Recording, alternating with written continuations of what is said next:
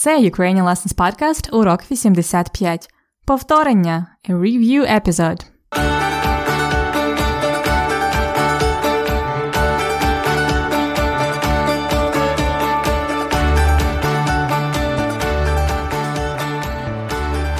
Вітаю вас на подкасті Уроки української. Це Анна, і це урок епізод номер 85.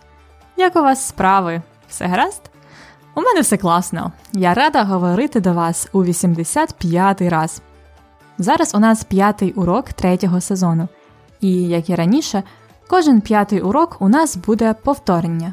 Повторення слів, які ви вивчили, повторення префіксів, фразологізмів.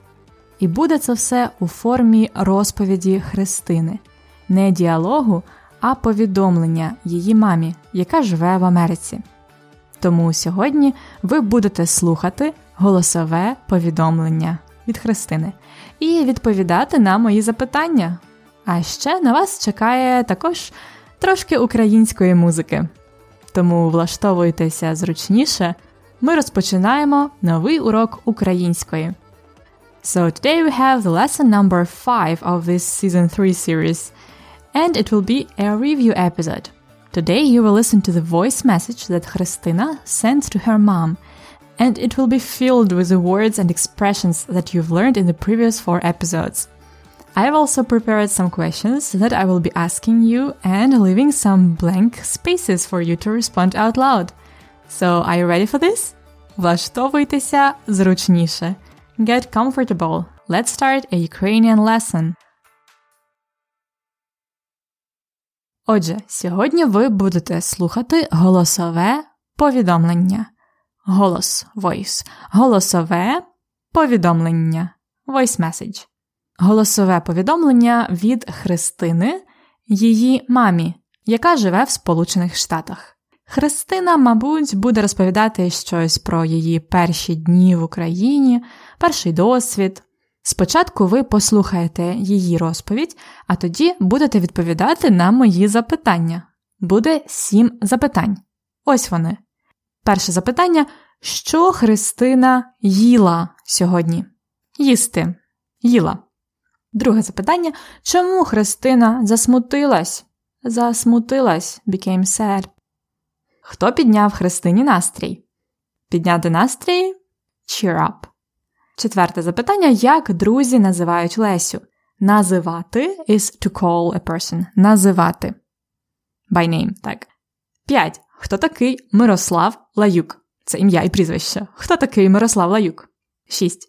Як буде jetlag українською? Сім. Як Христина буде спілкуватися з мамою?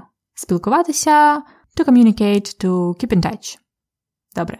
То ви готові слухати голосове повідомлення? Тоді почнімо. Привіт, люба матусю! Ну все, я офіційно переїхала в Україну. Вранці прилетіла в Київ, а вже пообідала борщем і повечеряла варениками. Так, смачно пальчики оближиш. Розповім усе по порядку. Я вилетіла з Нью-Йорка тільки вчора, а вже стільки всього цікавого дізналась. Ти знала, що в Україні теж є Uber? Я не знала. Тому переплатила за таксі. Після того, як ми приземлились, я взяла перше таксі, яке побачила. У результаті заплатила 35 доларів замість 12. Отак мене в перший день пошили в дурні. Я навіть трохи засмутилась, але коли прибула в квартиру, мені підняла настрій моя нова сусідка. Щойно я переступила поріг квартири, вона обняла мене і запросила пити чай. Уявляєш? Вона така класна. Її звати Леся, а друзі називають її Лисичка. Здається, вона студентка. Я попитаю більше про неї і все тобі розповім. Так от, не встигла я розпакувати валізу, як вона почала мене пригощати чаєм, тістечками, печивом, як тут кажуть, смаколиками. Таке гарне це слово, ці смаколики. А, до речі, у літаку я познайомилася з дуже цікавим хлопцем. Він поет, його звати Мирослав Лаюк. Я розповіла про нього Лесі, і виявилось, що він дуже відомий. А він навіть подарував мені свою книжку. Отакої. Хм, що ще?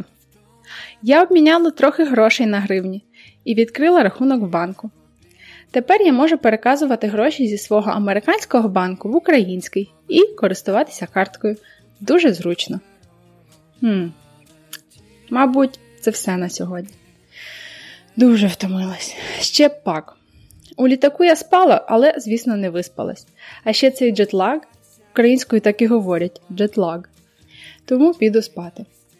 Я подумала, що ми можемо переписуватися щодня, а коли в мене є час, буду записувати тобі такі голосові повідомлення.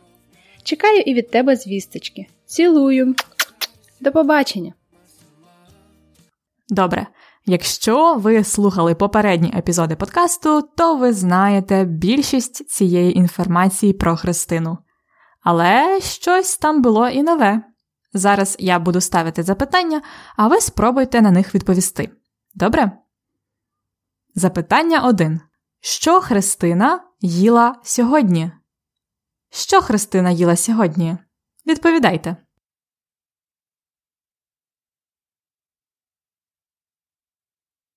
То що Христина їла сьогодні? Якщо просто, то Христина їла борщ і вареники.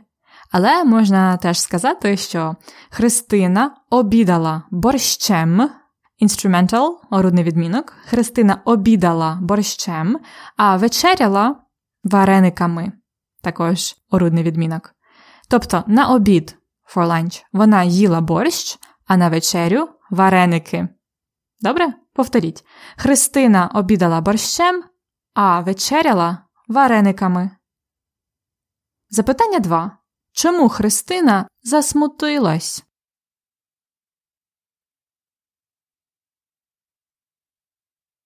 То чому Христина засмутилась?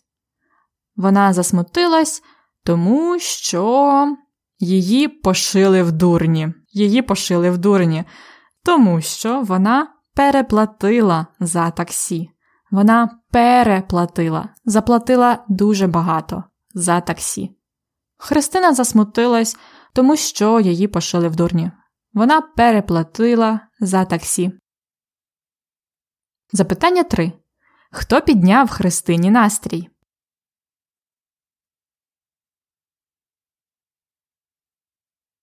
То хто підняв Христині настрій? Христині підняла настрій її нова сусідка Леся. Христині підняла настрій її нова сусідка Леся. Пам'ятаєте, нова сусідка. Так, this is kind of an inverted sentence that we like to do in Ukrainian. So we, first I said Христині, to Христина, dative, підняла настрій, and then subject, її нова сусідка. Можна теж сказати Її нова сусідка Леся підняла Христині настрій. Запитання 4. Як друзі називають Лесю? То як друзі називають Лесю? Друзі називають Лесю лисичка. Лисичка, лисиця, a fox, a little fox. Лисичка. Друзі називають Лесю лисичка. This is also a kind of mushrooms. Хм. Добре. Е, Запитання 5. Хто такий Мирослав Лаюк?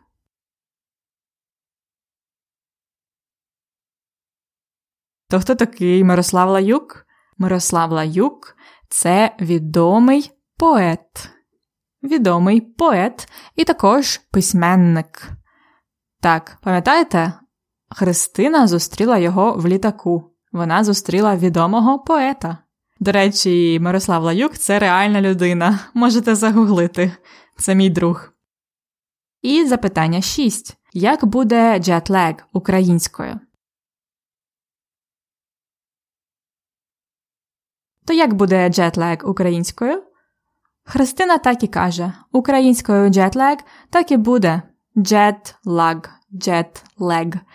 Насправді українці дуже рідко літали на літаках раніше, тому у нас немає такого слова, як джетлег. Запитання 7. Як Христина буде спілкуватися з мамою?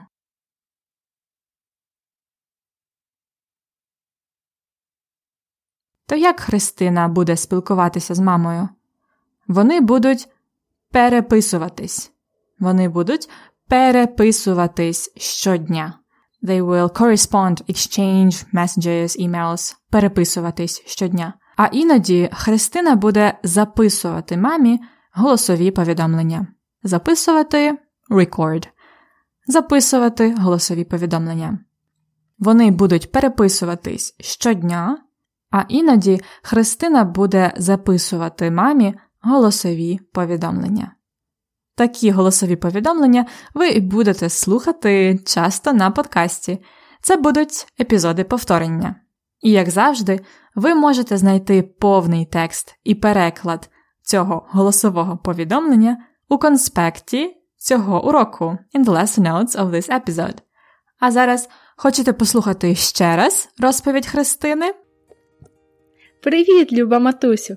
Ну все, я офіційно переїхала в Україну. Вранці прилетіла в Київ, а вже пообідала борщем і повечеряла варениками. Так, смачно пальчики оближиш. Розповім усе по порядку. Я вилетіла з Нью-Йорка тільки вчора, а вже стільки всього цікавого дізналась. Ти знала, що в Україні теж є Uber? Я не знала. Тому переплатила за таксі. Після того, як ми приземлились, я взяла перше таксі, яке побачила. У результаті заплатила 35 доларів замість 12. Отак мене в перший день пошили в дурні.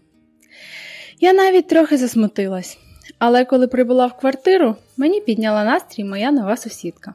Щойно я переступила поріг квартири, вона обняла мене і запросила пити чай. Уявляєш? Вона така класна. Її звати Леся, а друзі називають її Лисичка. Здається, вона студентка. Я попитаю більше про неї і все тобі розповім. Так от, не встигла я розпакувати валізу, як вона почала мене пригощати чаєм, тістечками, печивом, як тут кажуть, смаколиками. Таке гарне це слово, ці смаколики. А, до речі, у літаку я познайомилася з дуже цікавим хлопцем. Він поет, його звати Мирослав Лаюк. Я розповіла про нього Лесі, і виявилось, що він дуже відомий. А він навіть подарував мені свою книжку. Отакої. Хм, що ще? Я обміняла трохи грошей на гривні і відкрила рахунок в банку. Тепер я можу переказувати гроші зі свого американського банку в український і користуватися карткою. Дуже зручно. Хм.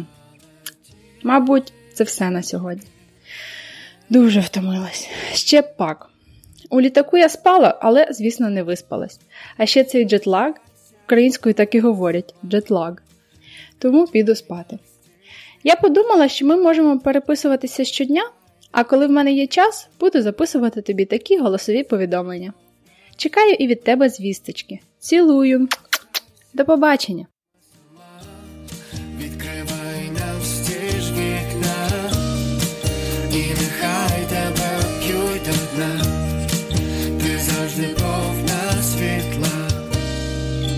Пісня, яку ви чуєте, називається Втомлене місто від гурту Женя і Катя.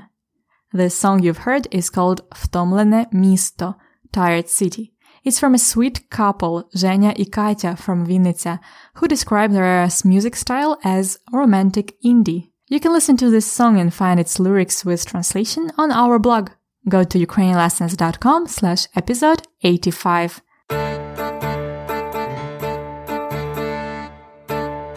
Дієслово дня. Послухайте ще раз маленький уривок. Останнє дієслово там буде дієслово дня. Але коли прибула в квартиру, мені підняла настрій моя нова сусідка.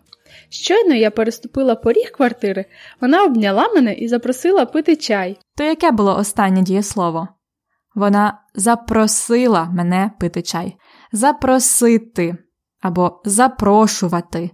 Це to invite, to ask someone out. Українці люблять запрошувати людей. Вони часто запрошують в гості, на чай, на каву. Запрошувати це недоконаний вид, тому українці часто запрошують в гості. Доконаний вид запросити. Леся запросила Христину пити чай. Я запрошую. Ти запрошуєш. Він запрошує. Це яка дієвідміна? Друга дієвідміна, тому що є є, єш. Тому ми запрошуємо.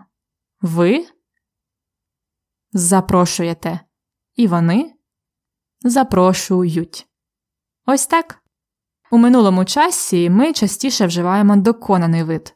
Він запросив її на побачення. He asked her out. Literally, he invited her on a date. Він запросив її на побачення. Доконаний. Але він довго запрошував її на побачення, а вона завжди казала ні. He was asking her out for a long time, and she was always saying no. Запрошував. Недоконаний вид. There is no result. Ось так. Фразологізм дня. Послухайте ще один уривок повідомлення. Яке там буде останнє слово? А, до речі, у літаку я познайомилася з дуже цікавим хлопцем. Він поет. Його звати Мирослав Лаюк. Я розповіла про нього Лесі, і виявилось, що він дуже відомий. А він навіть подарував мені свою книжку. Отакої. Яке останнє слово? Отакої. Отакої is similar to ого, нічого собі. Оце так.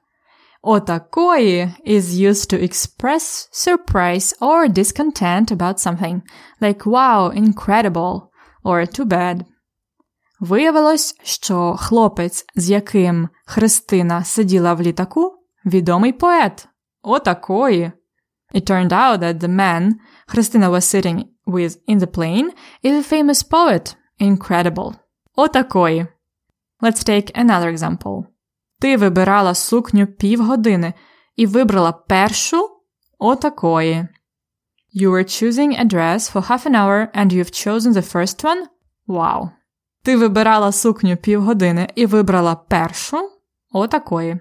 Це може бути добре отакої або погане отакої. Отакої.